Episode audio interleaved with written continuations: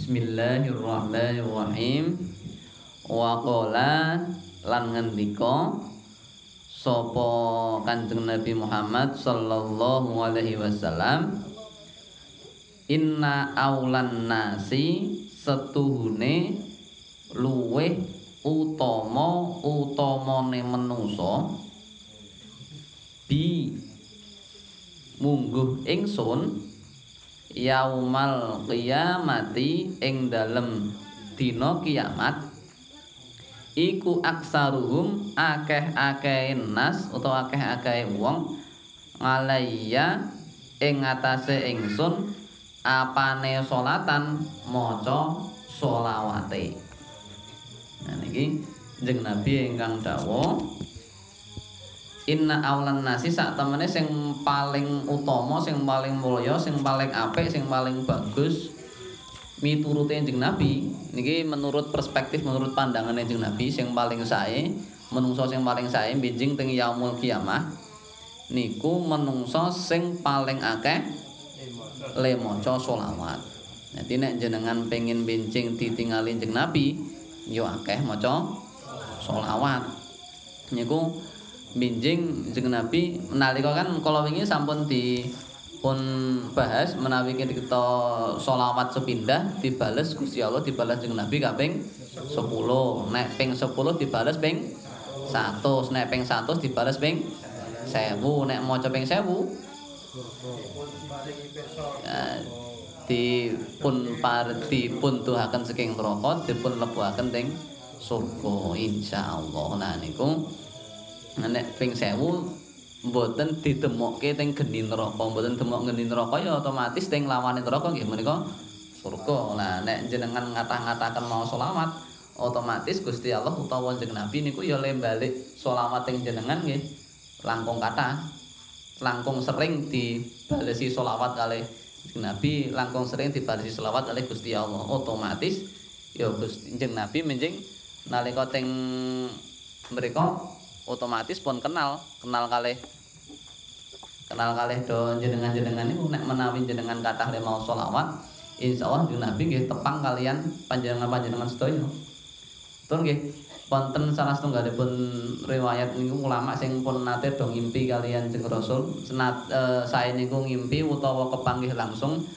Nek kepanggih Jeng Nabi sae niku teng ngimpi utawa teng dunia nyata niku pun pun wis cetha niki mboten sah saling kenal mengenal wis ketok wis iki jeneng Nabi mboten langsung.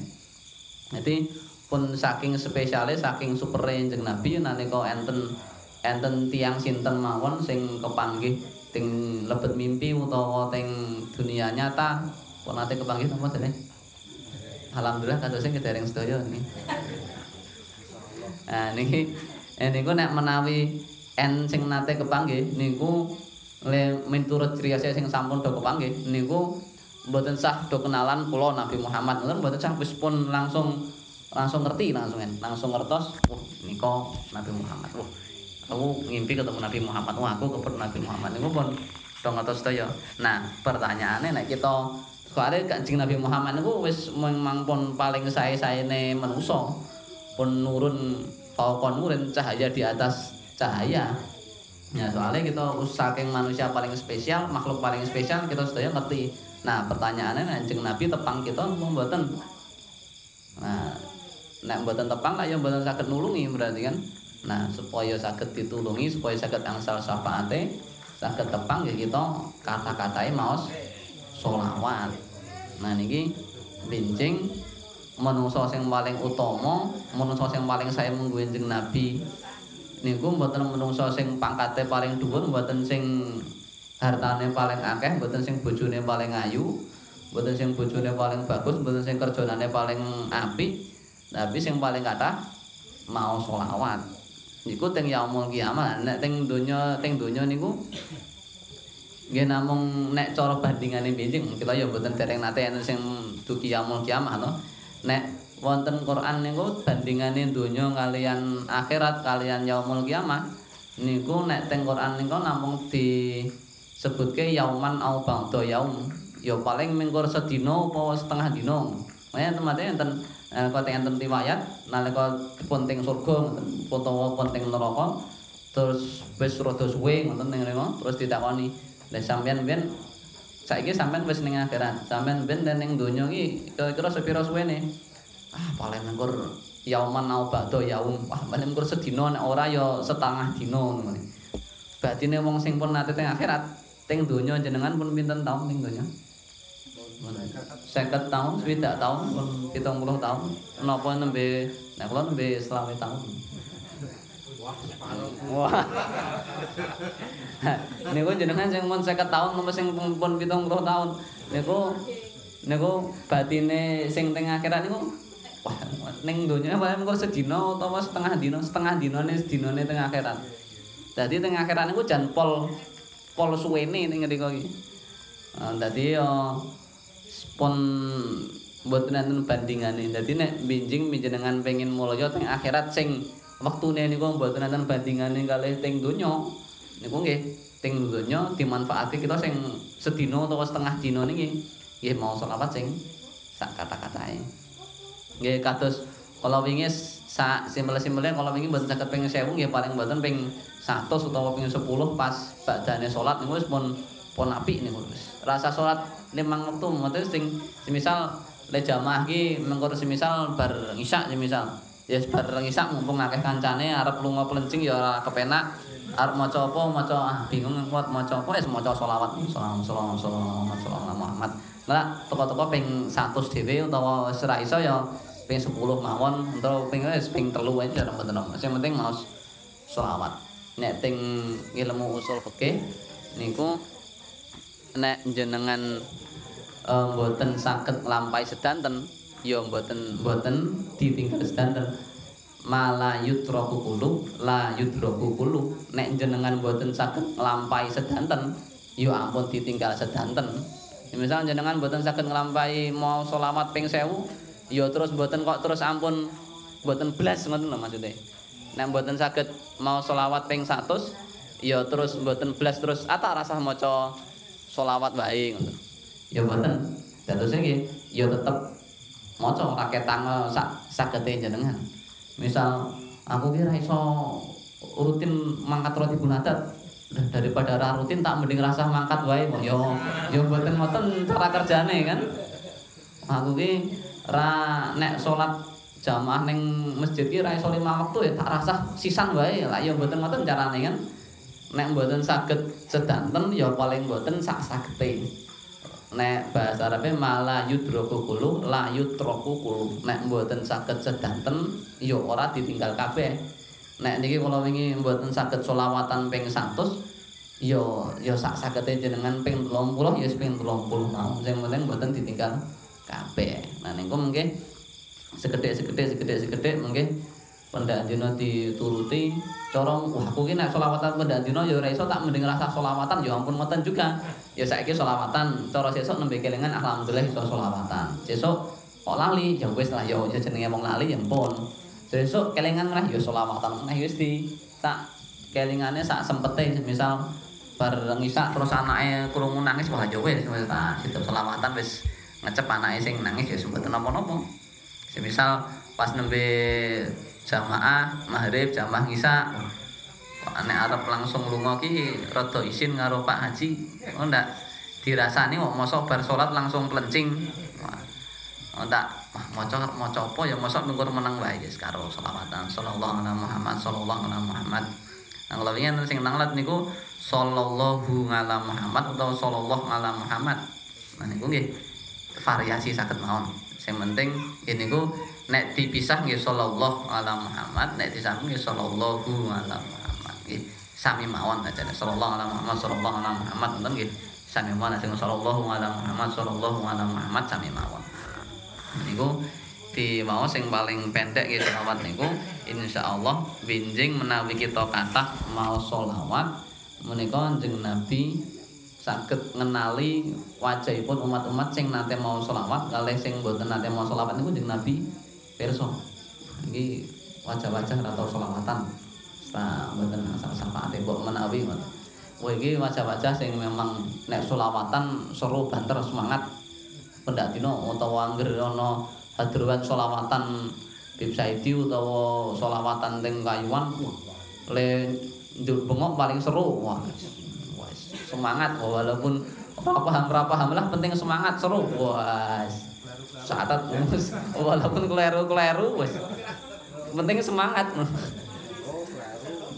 Penting semangat seneng niku pun pun nilai plus sing mboten saged dimiliki tiang lintu niku menen yang penting semangat tenan niku Benjing insyaallah misal kleru-kleru insyaallah mugi-mugi Gusti Allah maklumi ngoten Mugi Gusti Allah ngapura ngoten misal kleru-kleru iki. Yang penting semangate, yang penting seringnya, yang penting remene kita kalian jeung Nabi. Asring mau selawatan minjing kita dikempalke kalian jeung Nabi. Nah, amin Allahumma amin. Nak yo remen banget. Nah, selawat ning ngantukan wis. Paling mboten nate enten catetane teng malaikat selawatan dalam kurung ngantuk. Ya mboten apa penting malaikat tau nyatet yang penting. Ya mboten apa gandul-gandul. Mengkur ongap-angop, mengkur mangap-mangap tok. Ya mboten apa penting pun nate nderek majelis kan kados rin jeruk sak karung kan wis wis penting melu sak karung niku wis mbuh mboten ngertos kados prun penting ana sing apik wis ngono wae. Penting nderek semisal rin nate teng mriki enten apik iki bendere nganti tekan saiki. Penting sing dipajang para habaib. Wah, ngoten terus ya. Nah, sementing saged jawab malaikat penting. Nah, ben seneng ya, buktine seneng ki napa nah daripada macang fotone misal fotone Power Rangers apa fotone eh Ultraman ngoten kan wis fotone habaib, fotone foto kiai kan pun langkung remen kan ngoten. Nah, niku sinten sing paling kathah mau sholawat niku bincing ting dinten kiamat niku dados tiyang sing paling sae mungguhe jeneng Nabi. Niku sing penting kita mau kata-kata mau sholawat. Sholawat napa mau? Nek nek teng riyen nek teng pondok kula teng Barokah niku Mbah Yai Rasim Al Fatih niku senjatane nggih sholawat. Tapi sholawatnya mboten sholawat Jibril, sholawate niku sholawat Al Fatih. Nek kula anggere donga niku nggih enten sholawat Al Fatih lan niku riyen emang senjatane guru kula Rasim Mbah Jaya Rasim Al-Fatih niku senjatane selawat Al-Fatih. Nah niku memang senjatane niku mujadahe lemaos ping 1000. Selawat Al-Fatih nggih memang rada tuh Allahumma sholli ala sayyidina Muhammadil Fatih lima uliq wal khatim lima sabaq wa nasil haqibil haq wal hadi ila mustaqim wa ala alihi washabihi ajmain. Nah niku memang rada tuh tapi nggih meniku uh, nek Mbah Yai le ngamalke ping 1000 pendak dinten uh, malam Senin kali malam Jumat. Tapi ping sewu niku angsal dikeroyok sak majelis. Dadi majelise ana wong 100 ya cukup maca ping 10 ping 10 ping 10 pun dianggap sah nek andekane Mbah Yai. Nah niki nggih nggih senjatane selawat. Jadi kata sing senjatane pun selawat, nggih selawat nek nek Mbah Yai riyen ngono niku Salawat Al-Fatih, terus salawat munjat, salatan tunjina jamin jamin ahwali wal afat, terus salawat tipil kulub, kados kita biasane terus selawat umi Allahumma sholli ala sayyidina Muhammadin nabiyil umi niku nggih rada pendek. Terus kali nggih selawat Jibril niku gangsal selawat niki sing biasane dadi senjatane guru kula. Rin nggih senjatane nggih selawat. Rian bapak nggih senjatane selawat nggih kata sing selawat niku didadoske cara dene senjata utawa sing memang amaliyah khusus utawa nggih dadi cekelan tenan. Nah niku teng roti bulatan nggih enten selawat tapi sing diulang-ulang sing kathah memang la ilaha illallah. Tapi enten enten selawate enten solu enten kata Nabi Muhammad enten enten selawate terus di luar niku nggih kadang-kadang mosok kita selawatan ndak nunggu enten teh ndak nunggu diundang nembe selawatan ya pisan-pisan kita dengan rela hati selawat lah pisan-pisan tak ketang tak ketang sepisan tak ketang ping pindho. Paling enggak kita dengan rela hati selawat buat enten sing ngekon nalika bar salat utawa pas nalika teng motor utawa nalika teng mobil utawa pas nalika teng griya utawa pas nalika mbopong putune mbopong anake kalih selawatan pisan-pisan kita selawat dari hati ngoten mboten mboten wah aku tak selawatan diundang wong akeh keren. Niku nggih sae nggih. Memang mengke dicatat jamaah rombongan ngoten ya nggih. Tapi nggih sesekali kita selawatan nggih buat nusa ndak nunggu kumpul, buat nusa ndak nunggu acara, sholawat ya sholawat. Sing kata sholawat, mincing kalian dengan Nabi dipandang khusus, dipandang spesial. Dipun lajengaken.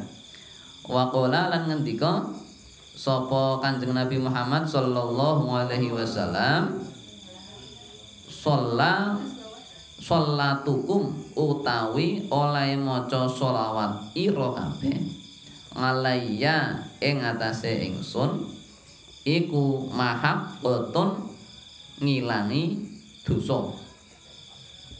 Iki eh ngilangi dosa utawa nglebur dosa.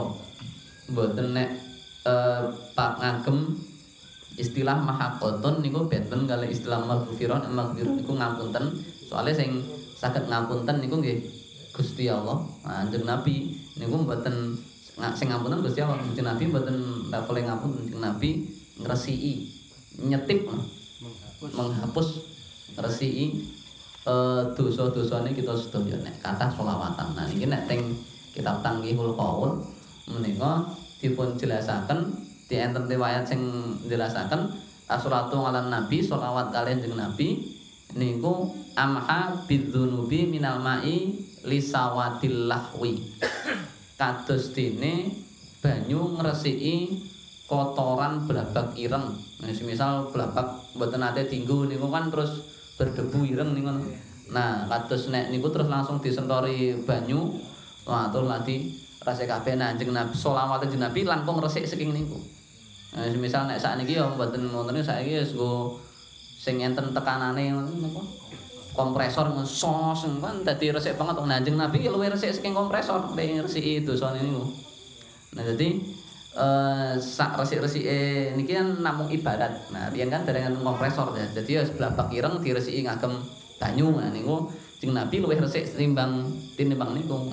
Nek sakniki ya jaman saiki ya kompresor. Mobil di apa motor di kompresor saking resike dikit saking kinclonge. Nah, Jeng Nabi saged langkung resik tinimbang namung mbah motor. Mbah dosane kita kiyambai saged langkung resik. Malah nek riwayat enten riwayat niku riyen Kanjeng Nabi Adam niku nalika wonten surga terus ndamel kesalahan dahar buah kuldi nika nika le saged ngabdi ngapunten kalian Gusti Allah niku sak badane mau selawat dening Kanjeng Nabi soale mas nalika teng e, pintu wares niku enten tulisanipun seratanipun Gusti Allah sejajar kali seratanipun Nabi Muhammad. Nah niku terus kali e, Nabi Adam kanthi lantaran Gusti Allah kanthi lantaran e, barokahipun Nabi Muhammad niki kula dingapunten nggih terus langsung le dingapunten barokahipun Nabi Muhammad niki. Nabi Muhammad enten riyen tinimbang Nabi Adam. Nggih memang enten riyen. Nur Nabi Muhammad niku memang pun diciptake saderenge entene Nabi Adam sak derenge enten donya langit sak isine niki nur Nabi Muhammad diciptake rumiyin.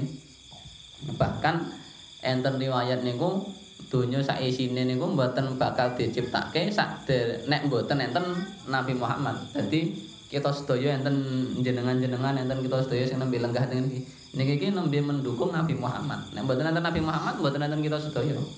Enten Nabi Muhammad terus diciptake surga neraka, surga neraka terus iki diciptake ana sing ngisi rupa manungsa, ana jin, ana setan, ana malaikat, ana sing nglayani jenenge malaikat, ana sing godha jenenge setan, ana sing manut jenenge manungsa, ana sing ora manut. Nek ning surga tok ki ora ana tantangane ya wis gawe donya sak isine. Donya nek nungkur bumi tok ki ndak darani sing gawe bumi, sing gawe donya ora kuwasa ya wis gawe bumi sak matahari, sak planet, sak alam semesta ben sing gawe iki Gusti Allah memang ketok perkasa tenan wis gawe sak isine mengko nggo bumi sing mengke enten Nabi Muhammad. Terus nggawe mosok langsung tokoh utama sing medun lak ya mboten keren.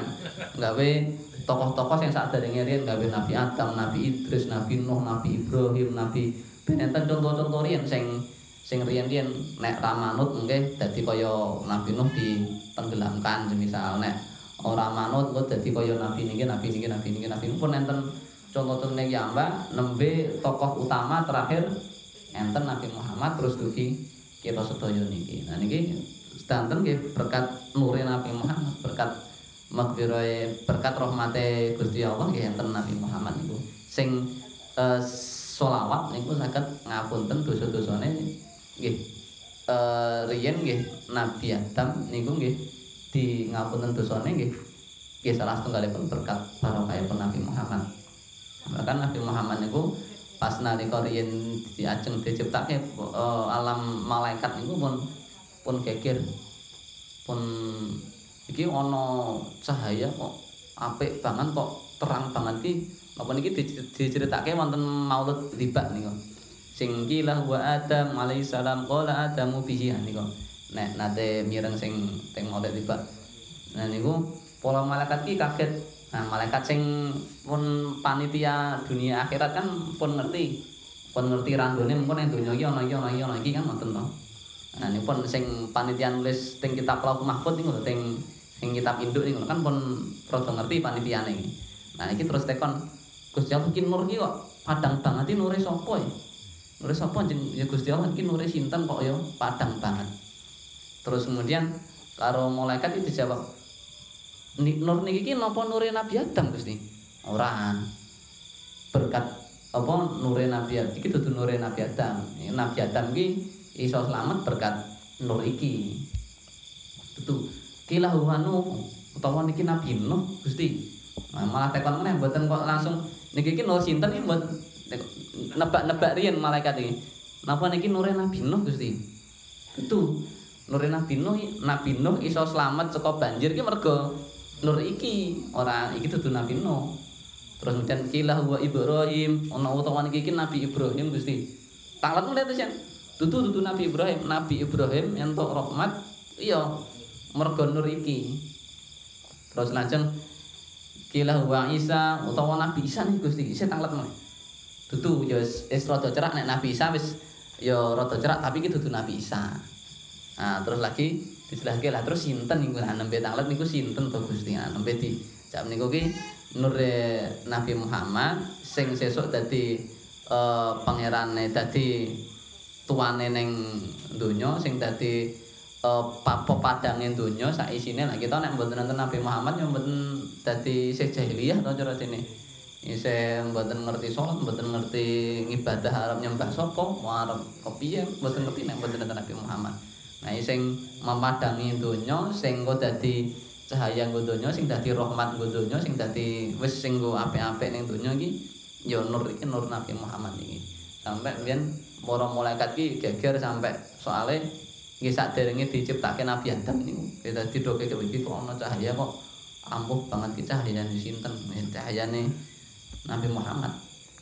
Nah niku salah setunggalipun kisah teng Maulid Libak ngoten niku. Niku sing cara dene uh, bukti nek Nabi Muhammad niku diciptake saderenge Nabi Adam dan Nabi Muhammad niki malah sing nulungi para nabi-nabi niki sing nulungi malah Nabi Muhammad.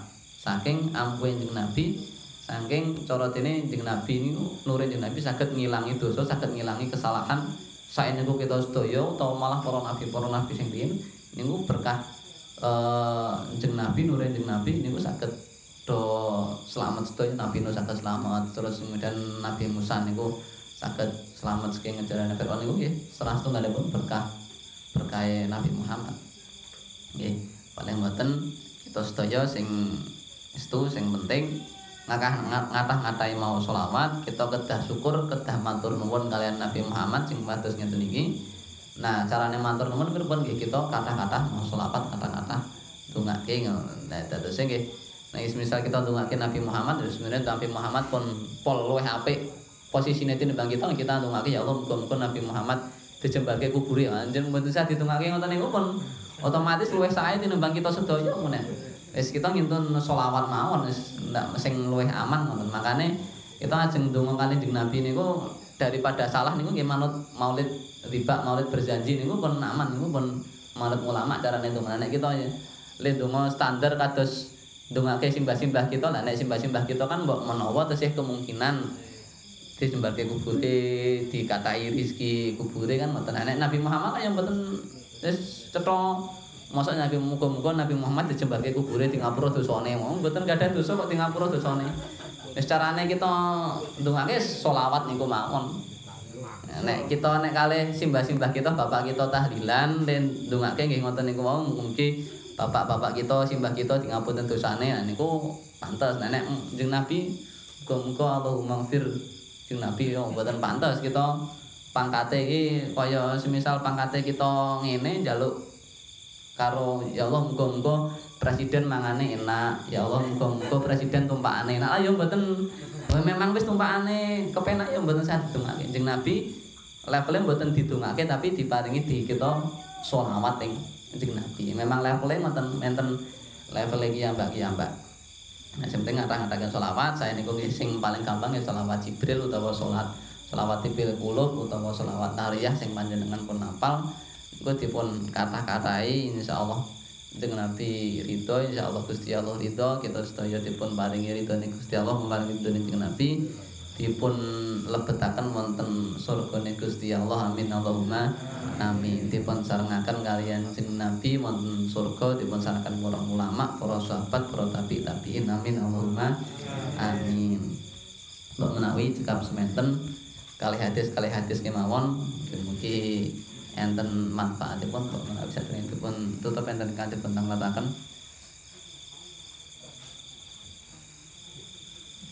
menawi sampun menawi cekap semanten kata khilaf lepat awal akhir nyuwun agung pangapunten assalamualaikum warahmatullahi wabarakatuh